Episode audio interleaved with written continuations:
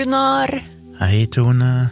Hjertelig velkommen til alle dere som hører på, til en ny episode av Virkelig grusomt. Og det er påske, Gunnar. Ja, i dag er det ikke det? Det er faktisk påskedag, er første påskedag. Vi, eh, vi har bestemt oss for å komme med en ny episode likevel, vi. Sånn, litt sånn motstrøms, føler jeg.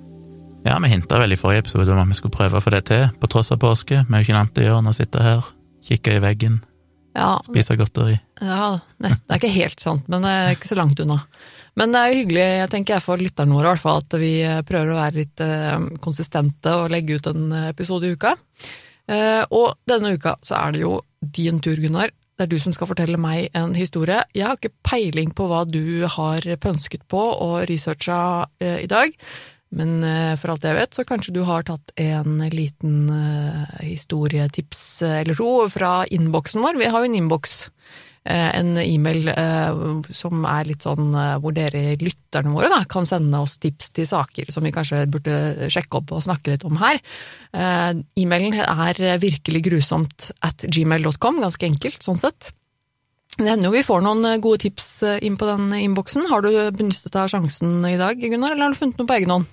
Ja, vi har fått en del tips i det siste, faktisk. Og i dag brukte jeg et av de tipsene, Ja, selv om det var en historie som var kjent for meg, og jeg leste lest om den før, men det var en god påminnelse om at ja, kanskje det var en historie som var verdt å fortelle. ja spennende. Fordi, og du har hørt om han du òg, det er jeg ganske sikker på, eh, jeg blei vel først oppmerksom på historien for en del år tilbake. Jeg leste en uh, lengre artikkel eller noe sånt i avisen, og var sånn shit, dette her hadde jeg ikke hørt om før. Og det var kanskje fordi det var, det kan ha vært i 2013, for eksempel, fordi da var det 30-årsjubileum, holdt jeg på å si, eller 30 års, ikke jubileum, men uh, markering Ja.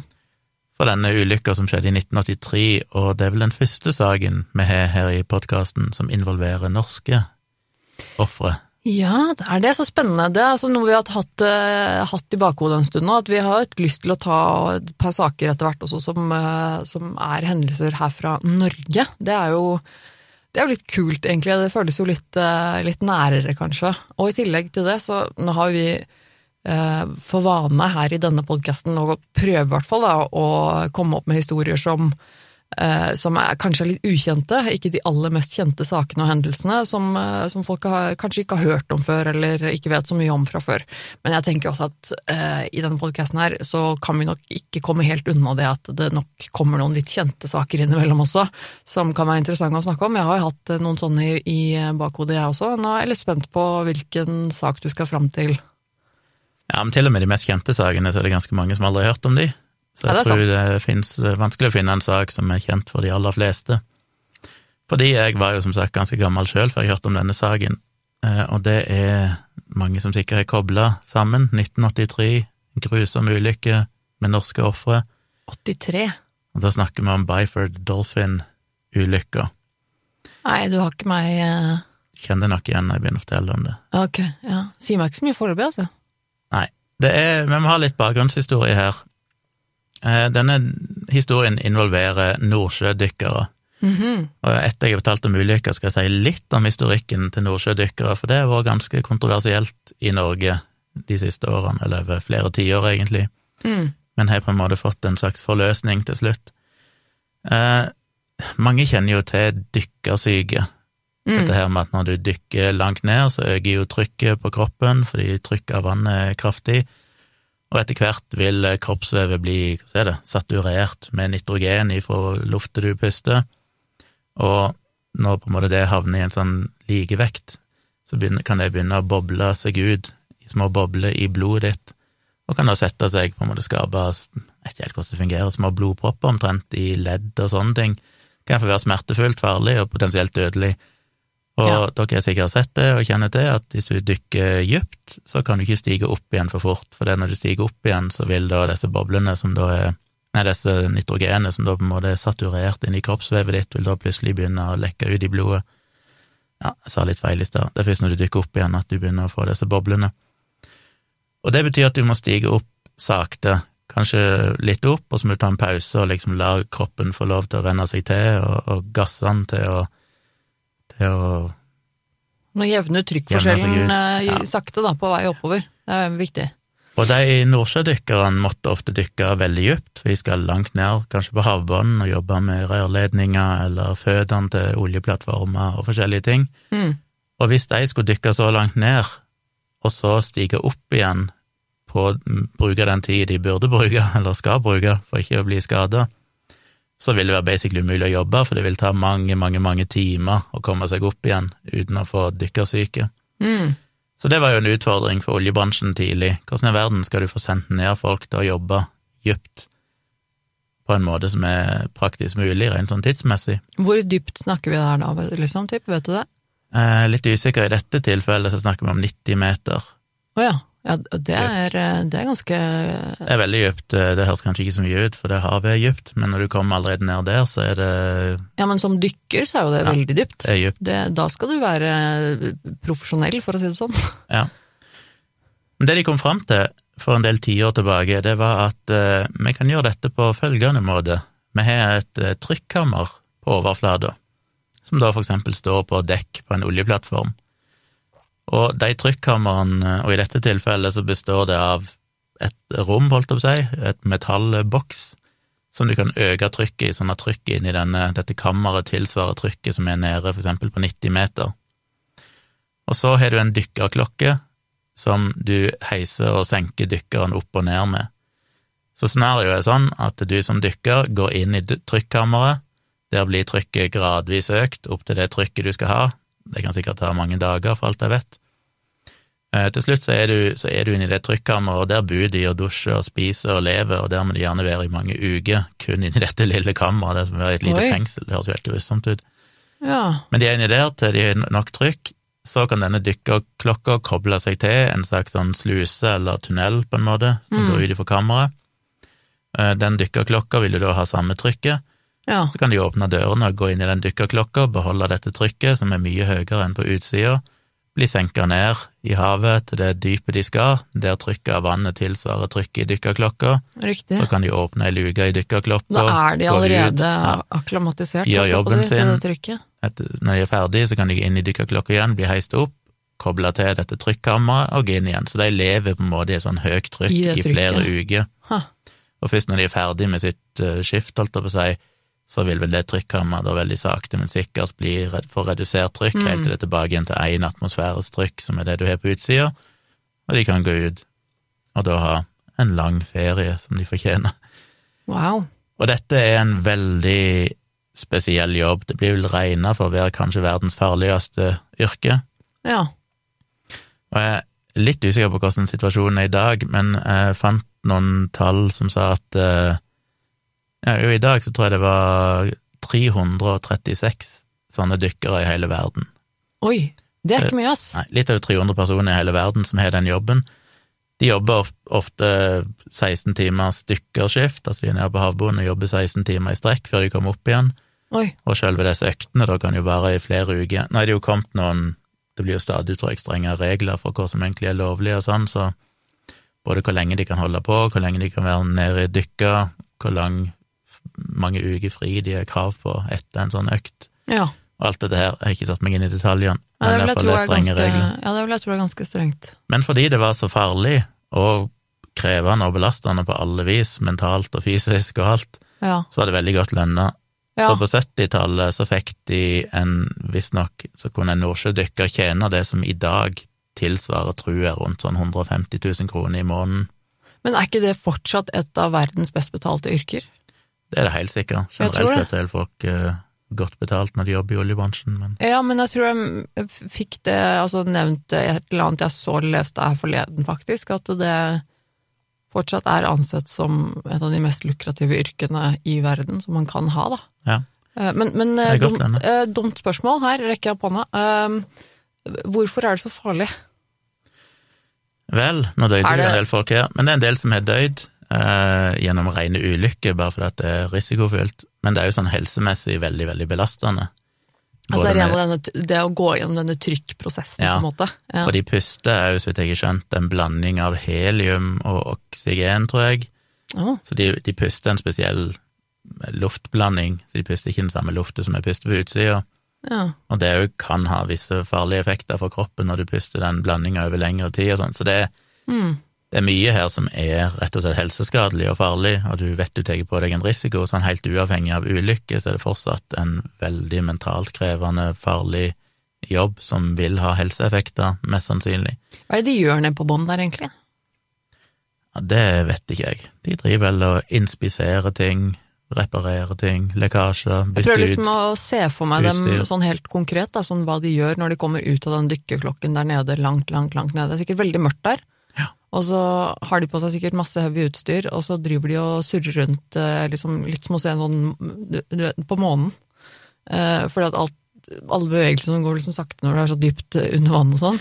Men det er gøy når de puster den der helium- helium-oksygenblandinga, for det husker jeg så etter med i eh, Dialogisk hadde snakke om denne Din tidligere podkast sammen med Dag Sørås. ja. Estonia-ulykka. Ja. Så så jeg jo en del YouTube-videoer der folk hadde dykka ned når de drev inspiserte vraket av Estonia. ja. Og det var så morsomt, for de dykkerne der nede òg, jeg husker ikke hvor dypt det skipet endte opp på, men det òg var vel sånne nordsjødykkere, noen av de få i Å verden. ja, stemmer det, ja det husker jeg. Og de puster jo sånn blanding, så først så skjønte jeg ingenting, for Ja. i all kommunikasjonen med de som var på overflata, så høres det ut som Mikke Mus. Ja, det de høres så sånn rar ut. Mus-stemme. Ja, sant. For det er jo som å puste en heliumballong, ikke Ja. sant? Så du fikk veldig sånn rar, lys pipestemme. Så mange av disse, når de dykker sånn, så har de sånn i dykkermasken, holdt jeg på å si, så har de en sånn slags eh, elektronisk ding som rett og slett endrer stemmen din til å høres mer normal ut. så du slipper å snakke med sånn Mikke Mus-stemme. Ja, det Så de har sett en sånn voice-omformer for å kunne høres litt mer normal ut, og litt mer For at ikke de skal få lættis, de som sitter og hører på deg. ja, men ja, ok. Så, Men det, eh, dette kalles altså, kalles altså for metningsdykking. Hva, hva kalles for metningsdykking? Det å drive og dykke ned og måtte leve i trykktanker ja, sånn. sånn, ja. okay, Fordi Ja. du har vel å mette kroppen med de gassene ja. som ellers er farlige. Veldig fascinerende opplegg. Så det var litt av bakgrunnen. Mhm. Vi skal altså tilbake igjen til lørdag 5. november 1983, klokka fire på natta. Det er en borerigg som heter Byford Dolphin, som Jeg gidder ikke gå inn i historien, det Er masse i- informasjon om hvem som eide den og bla, bla, bla. her i Men Norge? ja, de var, akkurat når dette skjedde, så var de og jobba på Frigg-feltet, som er i Mm. norsk farvann. Ja. Um, det er flere personer involvert her. I, i dette trykkammeret som da sto oppå overflata, altså oppå selve borriggen, Ja. så befant Edwin Arthur seg, han var en 35 år gammel britisk dykker. En som heter Roy P. Lucas, som var 38 år, britisk dykker. Mhm. Og de lå og hvilte seg i seksjon to, eller i kammer nummer to. For denne her trykkammeret som vi snakker om nå, bestod av tre kammer som på en måte var festa sammen med en liten tunnel. Kammer nummer tre var ikke i bruk. Disse to britiske dykkerne lå og hvilte seg, noen sier at de lå og sov, håper egentlig de lå og sov, men eh, i trykkammer nummer én. Og så er det to norske dykkere som har vært nede på eh, å jobbe. Det var Bjørn Jæver Bergersen, som var 29 år gammel, og Truls Hellevik, 32 år gammel. De hadde vært nede og dykka i bare to og en halv time, men de Mm. fikk beskjed om å komme opp fordi at det var dårlig vær på vei, det var på veien sånn storm og sånn, så det var sånn her, dere må komme opp igjen, det er ikke trygt å være der nede. Og de hadde vært nede og jobba på 90 meters dyp, som sagt. Eh, Hvorfor er det ikke trygt å være der nede når det er storm på overflaten? Kanskje dumt spørsmål, men jeg ser for meg at det, det kan være mange de merker grunner. jo merker kan jo kanskje ikke det der nede. Altså, Nei, men så- det kan jo være fordi at når de da skal opp igjen og kobles til i trykkammer, sånn, hvis det da er full storm, så er det vanskelig å gjøre. ja, for det sånn. gjør det liksom utendørs, Det på er en måte. utendørs, ja. Så. Ja, sånn sett, ja, selvfølgelig. så jeg er litt usikker på om de har En plass leste jeg at de ofte dykker i hva de kaller det, varm, varmtvannsdrakt, holdt jeg på å si, jeg vet ikke hva begrepet er, men en slags dykkerdrakt der du får tilført temperert vann, sånn at kroppen din holder normal temperatur der nede, og det vannet kommer fra overflata. Så jeg aner ikke om de òg er kobla til noen Ah. røyer på noe selvs vis, eller ja, okay. noen sånne tuber eller slanger som Ja, sikkert ganske jeg kompliserte opplegg, dette her. Det var iallfall farlig å være der nede, Ja. og, så de måtte komme opp igjen etter relativt kort tid.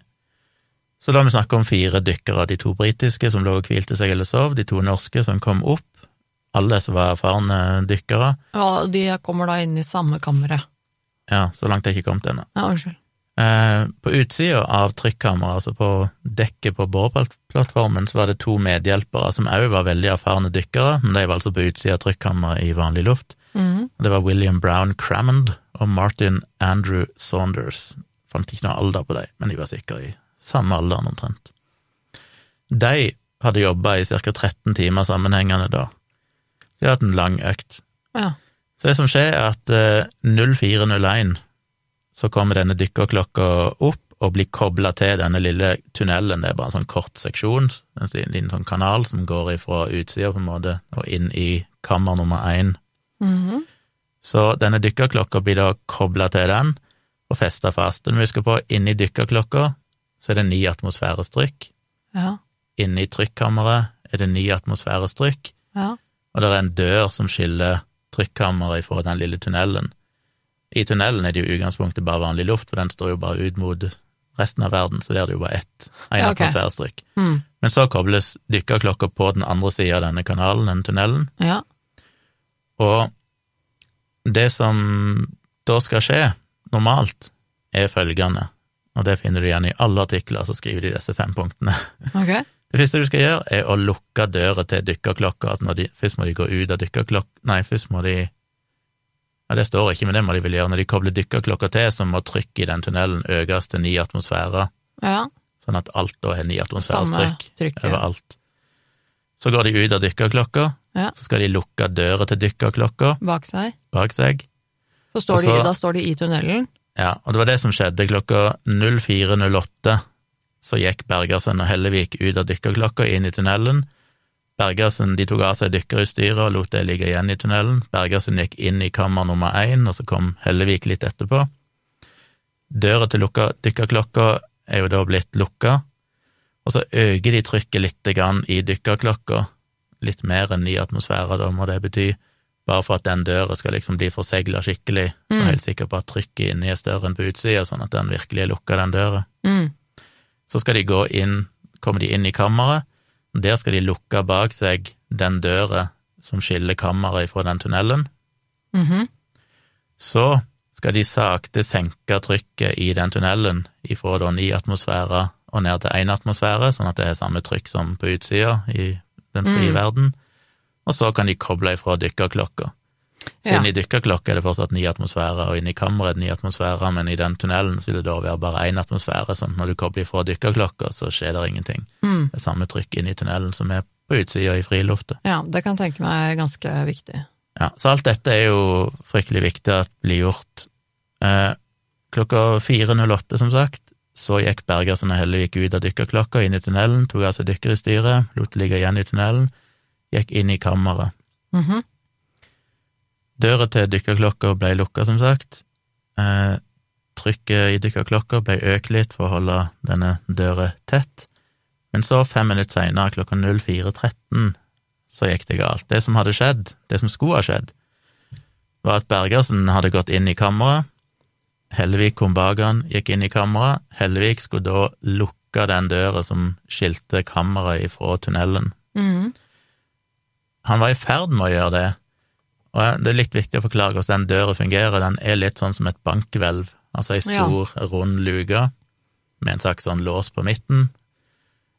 Den døra henger på en sånn eh, hengsel, holdt jeg på å si, som òg kan bevege seg inn og ut, sånn at når du på en måte løfter den fram for å lukke døra, så kan du òg skyve den horisontalt og få den til å passe akkurat på, og så skrur du den fast. Okay. Han var i ferd med å gjøre det, men hadde ikke dratt den helt ut ennå.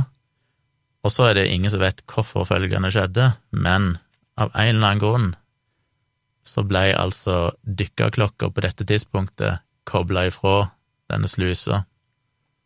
Så det å si at du har ni atmosfæres trykk inne i trykkammeret, døra er fortsatt ikke lukka, og denne dykkerklokka blir kobla ifra.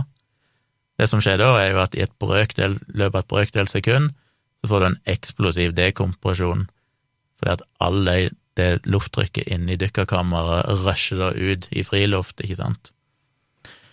Eh, resultatet ble at Hva het de igjen?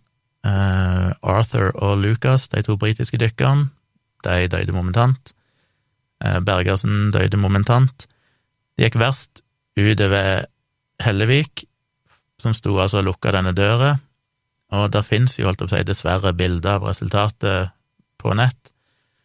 Han ble jo da, han hadde lukka den døra delvis, sånn at det som gjensto var en slags nymåne, en sprekk, ikke sant, akkurat som Mm. det du har kumlokk, og så tar du ikke kumlokket helt på, så vil det være en sånn slice på ene sida som er fortsatt åpen. Mm. Han ble jo da basically pressa gjennom den, oh.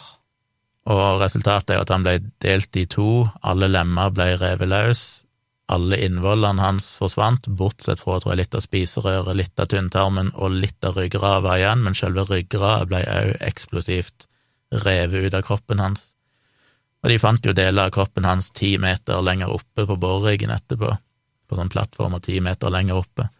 Så han eksploderte basically bare, altså ble, ble skvisa gjennom et lite, smal, smalt hull. Ja. De andre døde av det som I ettertid har de jo undersøkt, undersøkte disse likene og fant ut at det ser ut til at idet trykket endrer seg så fort Ja, la meg bare si at han Hellevik Det trykket du blir pressa med når det går fra 9 atmosfære til 1 atmosfære, tilsvarer egentlig 25 tonn. Ja. Så det er som at du er 25 tonn trykk som presser deg, som- kraft ja. som presser deg ut gjennom et lite hull. ja, du har ikke sjans. Det er jo altså En liten kropp har jo ikke noe å stå imot med et sånt trykk. De andre eksploderte ikke, men de døde fordi blodet basically umiddelbart begynner å koke. Å ja. Eh, Så det er alt av væske i kroppen begynner egentlig å koke. Og det de fant når de obduserte de, var at alle blodårene og sånn var egentlig fylt, alle organene og alt var bare dekka av fett. Oh. Så det ser ut til at eh, alt fettet i blodet umiddelbart levra seg på en måte. De senka Ja, det er klart at du gjorde det sånn at det ikke lenger var lø løselig i, i blodet. Jøss. Sånn at det bare klumper seg ut, sånn at de var på en måte bare helt Så det betyr basically at det som skjer hos deg, i tillegg til at eh, Ja, sikkert mye annet, men at òg blodet bare sånn umiddelbart omtrent bare blir tjukt i blodårene og stopper opp. Bare stopper, på en måte. da. Ja. bare stopper. Jeg kan tenke at når det skjer i hjernen og sånn òg umiddelbart, så, så er du jo bare sånn boff, så er du umiddelbart bevisstløs. Ja. Så vil, ingen av de vil jo sannsynligvis ha merka noen ting. Nei, får jo håpe det, da. Ja, det er liksom ikke noe tvil om det, at alle døde spontant. Hm. Sånn sett var det kanskje, nei, ikke verst, det er vanskelig å si, men det var jo disse to britiske dykkerne på utsida. Han eh, Crammond, han skal jo visstnok ha Og jeg er på utsiden, ja, de som var Ja, Ja. riktig. For de kobla jo fra dykkerklokka for tidlig, og det skal vi komme tilbake til. Men de døde òg, nesten, holdt jeg på å si. Crammond døde, Saunders gjorde ikke det. Begge to ble veldig hardt skada, fordi denne dykkerklokka ble jo skutt ut av trykket, den òg, idet den ble løsna. Og det fortsatt oh, ja. var ni atmosfæres trykk, så ble den skutt som ei kule ut, eller Ja. vekk ifra trykkammeret, og traff sannsynligvis dem. Begge ble veldig hardt skada. Crammond døde på vei til Haukeland sykehus. Eh, Saunders overlevde til slutt. Han var den eneste overlevende. Jeg har ikke funnet informasjon om hvordan det gikk med han i etterkant, men han Mm. overlevde iallfall. Så det Ja, det er jo en ganske brutal og deprimerende historie. For, for altså, kan, altså hvor, hvor var de på utsiden, på en måte? Altså sånn, hvor- hvor- Døde de av, av trykket? Altså de ble på en måte Jeg tror de døde av av å bli truffet av den dykkerklokka, det er vanskelig å vite. På de illustrasjonene så står de liksom én på hver side av den der slusa som går ut til dykkerklokka. Eh, Mm. Men ikke gjort å vite akkurat hva som skjedde. Om det var Ja, ok. Ja, så Ikke funnet noen detaljer om det. For jeg tenker, altså, det kan være på en måte kan det ha vært den trykkbølgen, da, at de ble på en måte dyttet bakover, eller altså et eller annet, som en typ eksplosjon, liksom. Ja, Men etterspillet etterspillet er jo litt uh, spesielt. Fordi, og jeg, jeg skal ikke si at jeg sitter på noen komplett oversikt over dette, for jeg har prøvd å lese en del artikler, men det er ganske komplekst, og mye informasjon, og mye uenighet. Ja. Så jeg er litt usikker på akkurat detaljene i det, men sånn veldig overfladisk fortalt så ble jo først ulykka tilskrevet menneskelig feil. Det ble liksom skyldt på at de hadde, de var sikkert slitne etter lange skift. Det var jo veldig dårlig kommunikasjon mellom innsida og utsida av kammeret. Det er jo bilder som viser det, men på utsida av dette trykkammeret så var det jo basically en sånn horn, ikke sant, sånn gamle høyttalere som så ut som en trompet, holdt jeg på å si Å ja. og så en slags liten mikrofon på innsida. Og det var jo veldig dårlig vær, mye bråk, så det kan være kommunikasjonssvikt. At Mm. de har oppfatta at de på innsida sa at den døra inn til kammeret nå var lukka, derfor var det trygt. Og uansett var det jo to feil som skjedde, for at før de kobla fra trykk, eh, nei, dykkerklokka, så skulle de uansett først ha senka trykket, i Trykket den i den tunnelen, ja. Mm. Hvis ikke de hadde gjort det, så ville vel fortsatt den dykkerklokka kunne blitt skutt av gårde og sånn, men Ja. det ville sannsynligvis ikke hatt noen effekt på de inne i trykkammeret så lenge de hadde lukka den døra si. Så av en eller annen grunn så ble jo den dykkerklokka kobla ifra både før de hadde lukka døra på innsida, og før de hadde senka trykket i den slusa. Hm. Så det blir jo skyldt på at det kan ha vært det, men vi vet jo ikke, fordi at uh, han uh, som Crammen, som vel egentlig var den som, etter det jeg har skjønt, skjønner meg litt utydelig, sannsynligvis er den som kobla ifra dykkerklokka, han døde jo, Ja. så han har aldri helt funnet ut hvorfor gjorde han det. Nei. Det er jo bare usikker. Var det bare brudd på rutiner? Var det Gjorde han det av egen fri vilje, eller hadde han fått beskjed av en eller annen overordna om at nå var det greit å gjøre det? Sånn. Det er liksom mye uklart, og ingen vet. Men poenget er at det ble skyldt på at det var menneskelig feil, egentlig. Ja. Men så er det jo sånn at denne Byford Dolphin, alt det her dykkersystemet de hadde med trykkammeren og sånn, var bygd i 1975. Men dette var jo i 1983, så det var ikke så mye tidligere, men det var fortsatt relativt gammelt utstyr. Ja. Det var ikke utrusta med noen form for sikkerhetsmekanismer. Nei. Og ingen trykkmålere, sånne, sånne sånne visere som Mm. viser trykket inni på utsida, sånn at du kunne se hva trykket faktisk var inni, så du kan til sjekke er trykket faktisk senka før vi kobler ifra dykkerklokka. Ja, nei. Hvorfor skulle man ha det, liksom?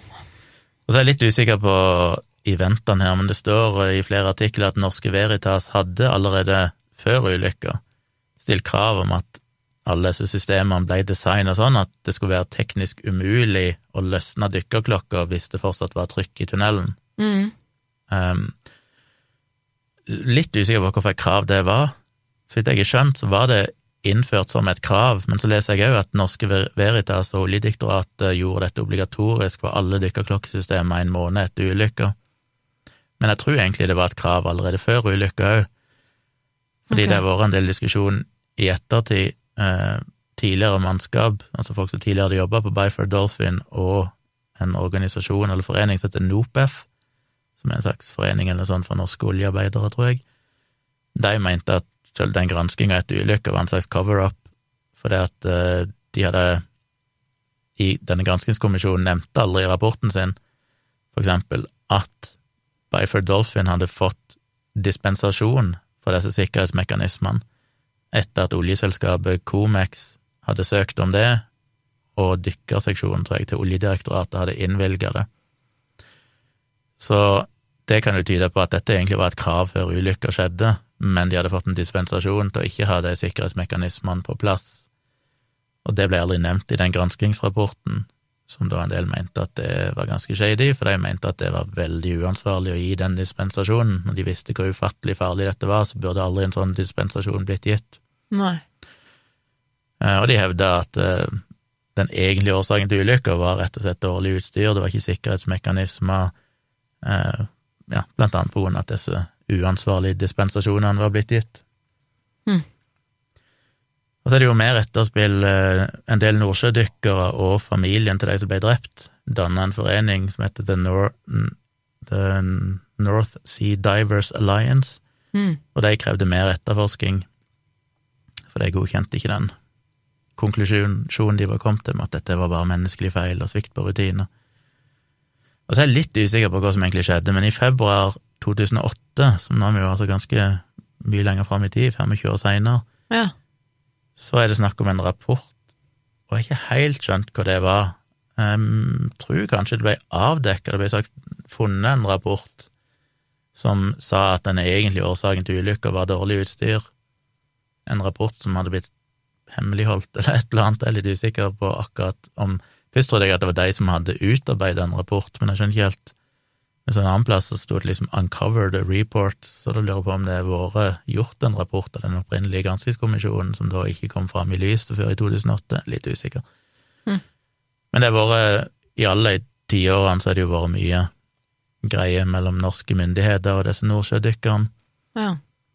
Claire Lucas, som var datter av Roy Lucas, hun gikk jo så langt, eller hun sa jo at jeg vil gå så langt som å si at norske myndigheter drepte min far, fordi de visste at de bedrev dykkerarbeid med utrygg, utrygge dekomprimeringskamre.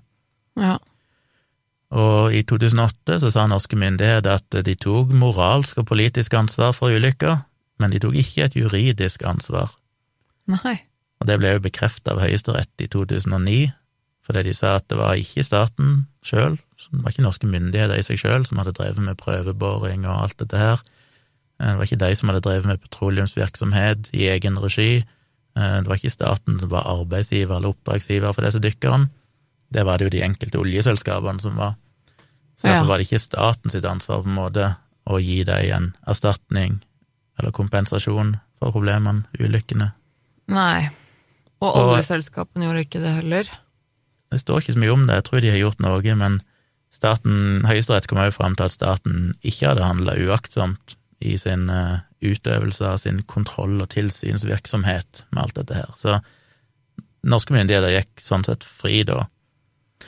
Men allikevel så gikk jo blant annet sønnen til han Lukas, eh, han gikk eh, til søksmål sammen med en del andre. Jeg går litt sånn i surr her i rekkefølgen på ting. Men før jeg kommer til det, så kan jeg bare si at sju norske dykkere tok jo etter, det, etter Høyesterett på en måte frikjente staten, så tok sju, sju nordsjødykkere saken til Den europeiske menneskerettighetsdomstolen i 2009 og 2010. Ja. Og der konkluderte eh, Den europeiske menneskerettighetsdomstolen med at Norge hadde brutt EMK sin artikkel 8, tror jeg det var, om retten til privatliv. Jaha. Jeg leste ikke noe mer om det, dette sto på regjeringens sine sider.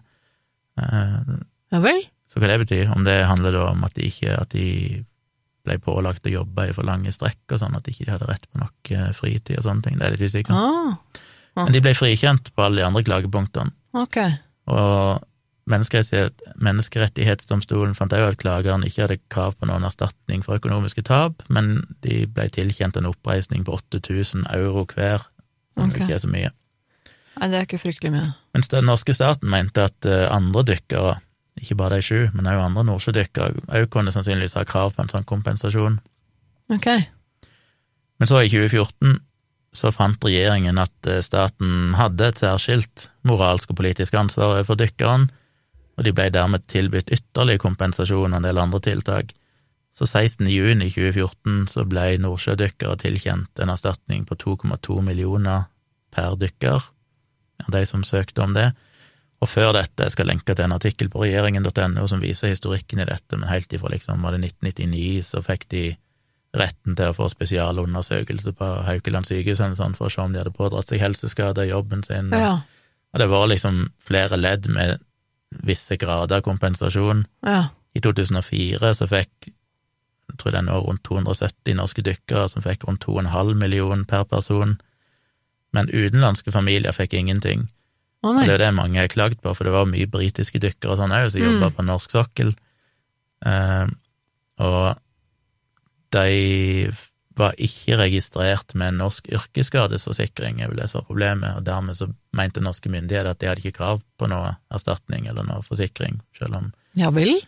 som andre mener var helt absurd, eh, fordi at det Men det høres jo veldig spesielt ut. fikk vel aldri muligheten til det, eller et eller annet sånt heller, så Nei, jo, altså jeg regner med at det finnes en del sånne forsikringsordninger for utenlandske arbeidere i Norge, altså enten om du har en forsikring som er tilknyttet Norge eller i ditt eget land, men det er jo sånn, så lenge du jobber Ja, lovlig ikke. i Norge, så må du jo være forsikret på et eller annet, vis. Men hvis mitt firma hadde henta inn utenlandske utlendinger til å jobbe, så vet ikke jeg hvordan det fungerer. Er vi da pålagt å Jeg vet, jeg vet å ha ikke om yrkesskadesforsikring? For de er jo pålagt yrkesskadeforsikring for våre egne ansatte, det er jo lovpålagt, men Men et eller annet sted, så lenge du jobber lovlig på kontrakt, så, så må du jo være forsikret et eller annet, på en Ja. eller annen måte. Så det høres jo spesielt ut, men Men saken ble på en måte lagt død i 2014, for det da tilkjente de 2,2 millioner i erstatning, og òg barn av dykkere som hadde eventuelt dødd før den tida, hadde òg krav på denne Mm. kompensasjonen. ja. Kravet var at de som tok imot det tilbudet, og det måtte de gjøre, de fikk seks måneders frist til å på en måte søke om å få dette og akseptere det tilbudet, Mm. men da måtte de òg eh, på en måte signere på at de ikke kom til å gå videre med noen annen sak for domstolen, Ah, og de måtte avslutte eventuelle rettsprosesser som var på gang. ja. Og de aller fleste endte opp med å akseptere det, og i 2014 eller 2015 så ble på en måte alt dette her nedlagt, alle disse kommisjonene og sånn, for da anså de som at nå er vi ferdige, nå er det ingen flere som kan søke erstatning. Mm.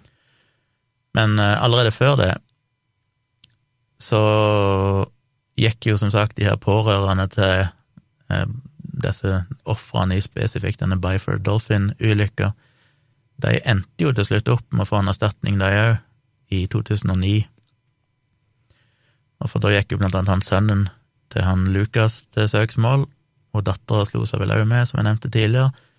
Og det var òg 24 tidligere dykkere, jeg lurer på om alle var britiske, det er jeg litt usikker på, som mente at de var blitt behandla som menneskelige forsøkskaniner Ja. av norske myndigheter. Fordi helt fra 60-tallet oppover så ble de liksom sendt ned på veldig store dyp og sånn, uten at kanskje folk helt visste hvor risikoen og helseskadene var. Ja. Pluss at de ble, ja, hadde enormt lange arbeidsøkter og sånne ting som en mente var uansvarlig. Mm. Og fram til i dag så er det visstnok utbetalt rundt 630 millioner i kompensasjon til dykkere og etterlatte nordsjødykkere. Og det er bare fra staten, i tillegg til kommer all slags forsikringsordninger, menerstatning ved yrkesskade, kompensasjon fra Statoil, andre ting som var nevnt, som er kommet i tillegg. Så det, det har vært eh, egentlig et ganske dystert kapittel i norsk historie. ja. Litt interessant når jeg drev og researcha det, så så jeg at Frigg-feltet ble stengt i 2004.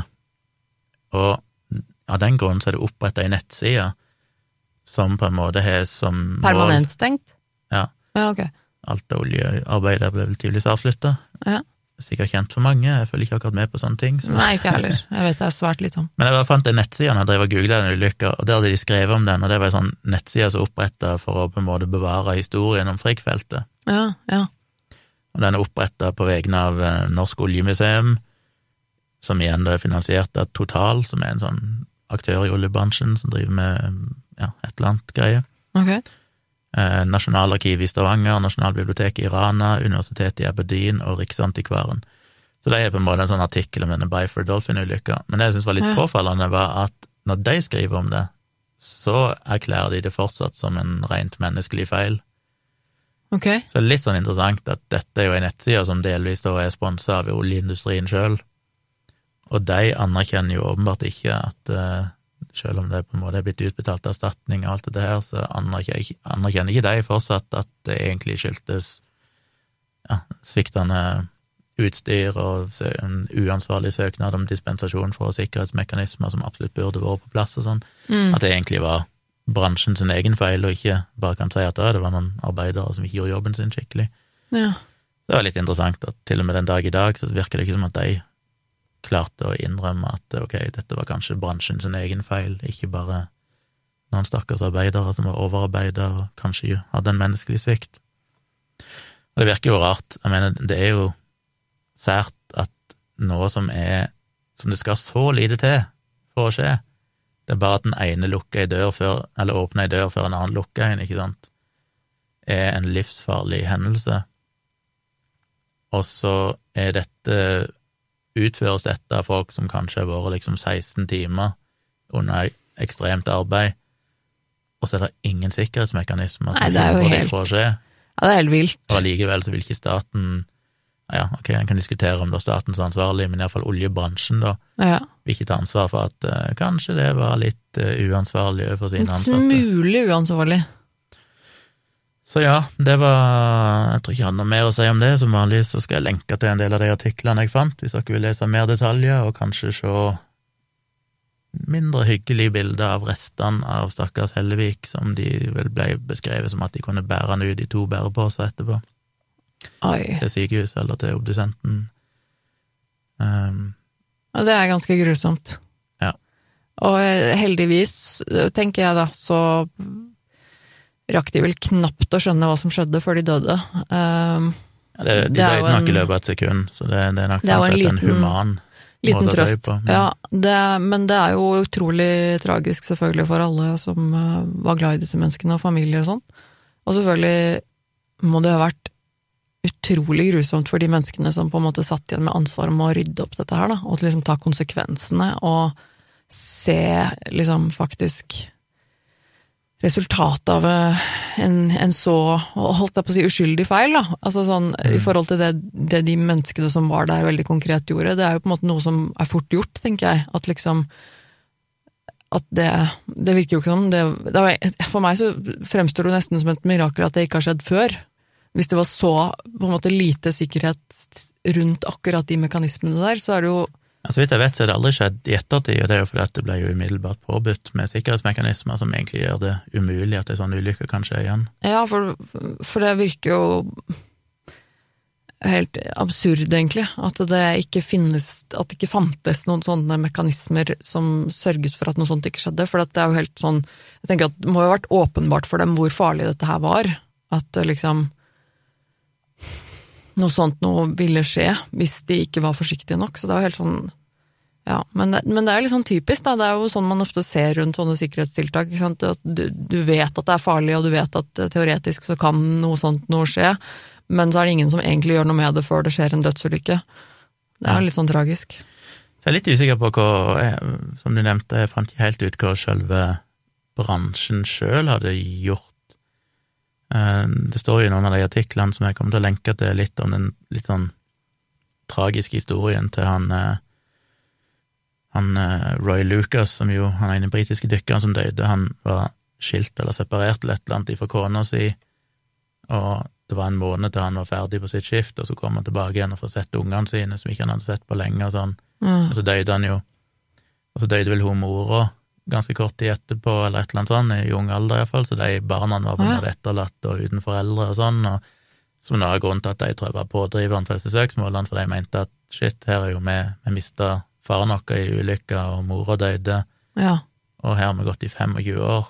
Først når vi ble godt voksne og sjøl hadde familie og barn, så får vi endelig en erstatning, men Ok, det er greit, de fikk jo en sekssifra eh, erstatning da i pund, så det betyr jo noen millioner ja. norske kroner, men som er hyggelig, men på en måte det burde kommet fem, for 25 år siden, ja, ja. vi var barn og trengte dette, og han levde vel som en gårdsbruker, arbeidsledig i et eller annet, drev en gård eller et eller annet, og de liksom hatt det vanskelig, er vel greia, da.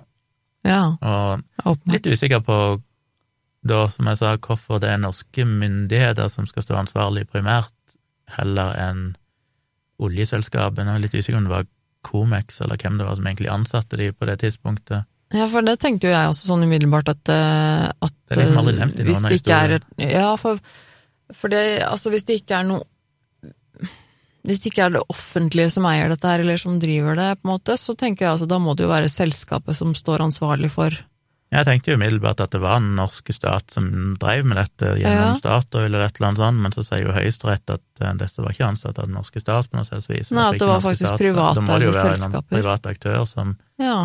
Hvor, hvor havna deres ansvar i dette i forhold til erstatning? Ja. Eh, det sto liksom ingenting om det, og jeg har lest ganske mange artikler, så ja. bruk gjerne e-postadressen. Virkelig grusomt at gmail.com hvis dere kan mer om denne saken og vil gi meg noen opplysninger. Jeg har jo ikke researcha dette så altfor lenge, så det er sikkert ting jeg går glipp av, men Men uh, ja. Men ja, det var historien, og vi kan sikkert drøfte ansvar og alt dette til en blir blå, men uh, saken er iallfall at mm, nei, nordsjødykkerne sin historie har jo vært et sårt punkt i norsk historie i mange tiår, der ja. en vel endelig fikk avslutta det for noen år siden, og de endelig ble tilkjent erstatning, men de har vel enkelt forklart blitt utsatt for ganske uansvarlige arbeidsforhold. Ja, det høres jo sånn ut. Som ikke var greit. Og selv om de får erstatning, så kommer jo den veldig seint. Ofte var jo mange av de døde, sånn det var primært barn og etterlatte som fikk erstatningen, og det er jo bra, men fortsatt trist, da. Så. Jeg tror ikke jeg vil bli nordsjødykker, jeg. Det er kanskje den jobben i verden som hadde passa meg dårligst, omtrent. Både ja. jeg hadde fått klaustrofobi, jeg ja, hadde vært mørkredd, veldig... jeg hadde vann, hatt vannskrekk. Ja, det høres veldig klaustrofobisk eh, ut, og litt sånn ensomt, på en måte. Ja, det å være borte fra familie og venner og sånn så lenge, og, og det, det, ja, jeg skjønner at det, det krever en eh, ganske ekstrem dedikasjon. Uh, og det høres, jo, det høres jo bare veldig urettferdig ut, på en måte. Det å og på en måte i utgangspunktet å, å ha en så risikabel eh, jobb, da. Altså den jobben du gjør og det du utsetter deg for, den risken når den på en måte i utgangspunktet er så høy, så tenker jeg at da er det minste du skal kunne forlange, er at sikkerheten er på topp rundt deg. Mm. For å minimere den risikoen for at faktisk noe skal gå galt. Så det, jo, det høres jo bare ekstremt uansvarlig og veldig sånn dypt urettferdig ut, egentlig. Det, de ofret jo mye, disse menneskene her. Og sikkerheten er jo selvfølgelig, iallfall i dag, ekstremt høy. Gud, jeg, mener, jeg kjenner jo sjøl folk som jobber med mitt IT-selskap var en periode eid av et sånt selskap som driver med kontroll og inspeksjon av offshore-rigger. Offshore oh, ja. så jeg ble jo kjent med en del av de folkene der, og, og de eh, Ja, shit, der er, det, der er det mye kontrollister og punkter og rutiner og regler, og det er liksom Ja. Han ene skulle hjelpe oss litt med noe datagreier, og shit, når han satte i gang og skulle liksom lage instruksjoner for hvordan vi burde håndtere ting i firmaet, ut ifra sin kompetanse innenfor det feltet han jobba med innenfor offshorebransjen. Det er det mest overkill jeg har sett, liksom. Det var ikke helt tilpassa oss for oss. Det var, ja. Men det er sånn, shit, det, det var ikke noen ting overlatt til tilfeldighetene. Altså. Nei. Ja, det er jo godt å høre, for så vidt. Så han jobber jo med det, han er jo ikke nordsjødykker, men han jobber jo med å drive og klatre rundt og henge i seil og stoppe rundt Ah, ja. disse boreriggene og kontrollere ting opp og ned og ditten og datten. Ja, nettopp. Så det er ikke noen tvil om at det, det er jo ikke noen Jeg skal jo ikke si at de er uansvarlige generelt sett, men på det tidspunktet, akkurat innenfor det området med de trykkamrene og sånn, så var det jo helt åpenbart en grov sikkerhetssvikt. Så hvor vil, vil du rangere den, da, siden vi må gjennom den formaliteten på Ja. grusomhetsskalaen? Jeg gir denne på en skala fra én til ti, hvor ti er verst, så tenker jeg at dette ligger på eh, fire. Ja. Eh, og det det, ikke, eh, Fem stykk døde umiddelbart. ja, Eller én døde ikke helt umiddelbart, men fire døde umiddelbart, én bitte grann seinere, og én ble hardt skadet. ja, men grunnen til at jeg gir den såpass lavt, er eh, ikke for å på en måte eh, underspille på en måte da hvor, hvor jævlig det her sikkert var for de som var til stede og de etterlatte videre. Eh, all respekt, men ehm, det var dette med at de døde så umiddelbart. Mm. Og eh, med unntak av denne ene personen som døde ganske grotesk, da, så, så virker det som på en måte de, de holdt jeg på å si døde i fred. Det hørtes jo veldig feil ut, men, men du skjønner hva jeg mener. Altså, og, Ja, altså eh, døde brutalt, han Hellevik, han døde vel ja, det er jo Hellevik? Håper ikke jeg blander navnene nå. Ja, nei, Jeg husker Nei. ikke navnene, ja. men, men han som døde i å bli sugd ut gjennom denne sprekken, det er jo definitivt det grusomste dødsfallet her. Og det er jo uten tvil ganske grusomt. For, ikke for, bare for han, men også for liksom de menneskene rundt som måtte se det og, og vitne til det, eventuelt rydde opp og sånn, finne kroppsdeler Ja, det er ganske, det er ganske fælt. Um, ok, så fire eller fem, liksom, kanskje. Men, men det er rett og slett fordi at altså uh, Fordi det skjedde så fort, også fordi at det er til tross, tross alt såpass få mennesker involvert. Eh, også ehm, Jeg vet ikke. For meg så, så Det var jo en ulykke, liksom. Det var jo ingen som gjorde dette med vilje. Det er ikke noe ondskap inne i bildet her, holdt jeg på å si. Nei. Um, Nei, i seg sjøl så er det ikke en sånn Det som gjør det grusomt, er selvfølgelig bare ideen om en eksplosiv trykkendring som jo fører til en grusom måte å dø på. Blodet koker, du dør spontant, du blir eksploderer, alt seg, eller blir skviset gjennom et lite hull og blir partert. Så Ja. visuelt sett så er det ganske grotesk, men det er klart det var en momentan død. Ingen som egentlig leid noe særlig, bortsett fra kanskje han eh, Saunders, som endte opp med å overleve. Ja. Men han var vel sannsynligvis også bevisstløs, kan jeg ikke tenke meg noe annet. Så det er ikke sikkert han merker så mye til det, iallfall. Ja. Da, men Men, men jeg tenker jo på en måte hovedsakelig at det, at det føltes veldig urettferdig, på en måte. At det var veldig sånn veldig, veldig ufortjent. Dette menneskene som på en måte har ofret så mye av tid og dedikasjon og, og på en måte tid vekke fra familien sin, og så høy risk, da. Og, så, så det var på en måte så langt ifra fortjent som det blir omtrent. Ja, det er jo de familiene som har kjempa i flere tiår etterpå for Ja, å få liksom ja, er sant. Ja. gehør for at dette her var jo ikke greit, noen må ta ansvar. Ja. Så sånn sett er det jo det jo grusomt, men, eh, men ulykke i seg sjøl, ja, det er jeg nok enig i. Ja, det var iallfall min historie. Da håper jeg lytteren eh, ble litt mer kjent med et eh, sorgens kapittel i norsk oljehistorie.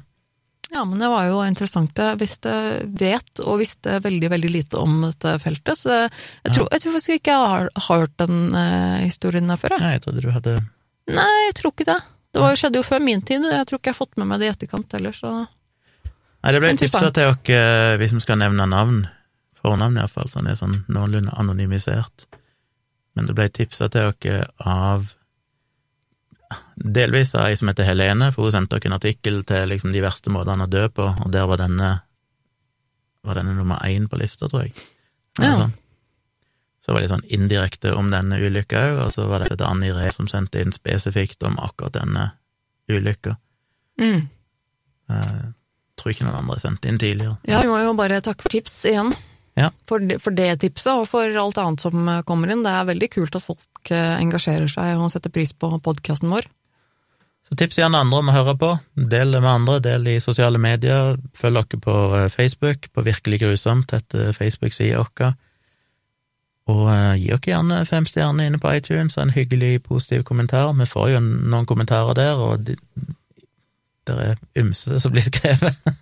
Jeg velger å ikke gå inn og Nei, lese. det er ikke sunt å lese det. Jeg, det er ikke sunt. En del som har oppfatning om hvordan denne podkasten burde ha vært, hvis de Ja. skulle ha likt den. Men det, vi har nå den podkasten vi har, så får de velge å lytte eller ikke. Vi lager Men, den eh, sånn som vi vil at den skal være. Så enkelt er det. Men vi syns iallfall det er superhyggelig med alle hyggelige kommentarer vi har fått, og alle stjernene vi har fått, så det tar vi gjerne imot flere av hvis dere vil det. Ja, og nå i påsken så har jo faktisk både du og jeg podcastet ganske mye.